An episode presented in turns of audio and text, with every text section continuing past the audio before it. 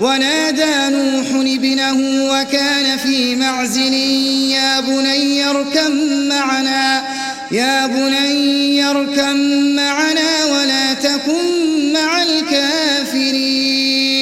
فالابن نسي أن المسألة مسألة عقوبة وأعظم من الذنب الذي ترتكبه عدم شعورك بأن الله سيعاقبك عليه.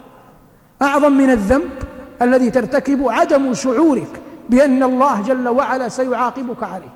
يأتي إنسان تحته أجراء عمال يظلمهم ليل نهار لا يعطيهم حقه. تحته طلاب الله أعلم كيف يعلمهم. تحته زوجات الله أعلم كيف يظلمهم.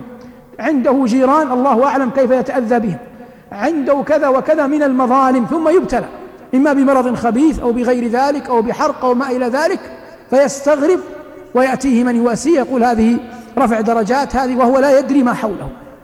لكن العاقل يعرف من ذنوبه معاصيه. وقد كان السلف لقلة ذنوبهم تأتيهم المصيبة عجالا فيعرفون الذنب الذي بسببه أصابتهم هذا. فابن نوح قاعد يأخذ يتكلم عن أشياء طبيعية.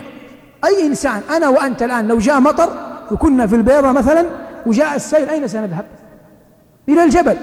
فقول ابن نوح كلام طبيعي سآوي إلى جبل نعم. لكن هذا في حالة أن الأمر شيء طبيعي. لكن الطوفان لم يكن شيئا طبيعيا. كان عقوبة لأهل الكفر واستجابة لدعوة نوح. رب لا تذر على الأرض من الكافرين ديارا. قال سآوي إلى جبل يعصمني من الماء.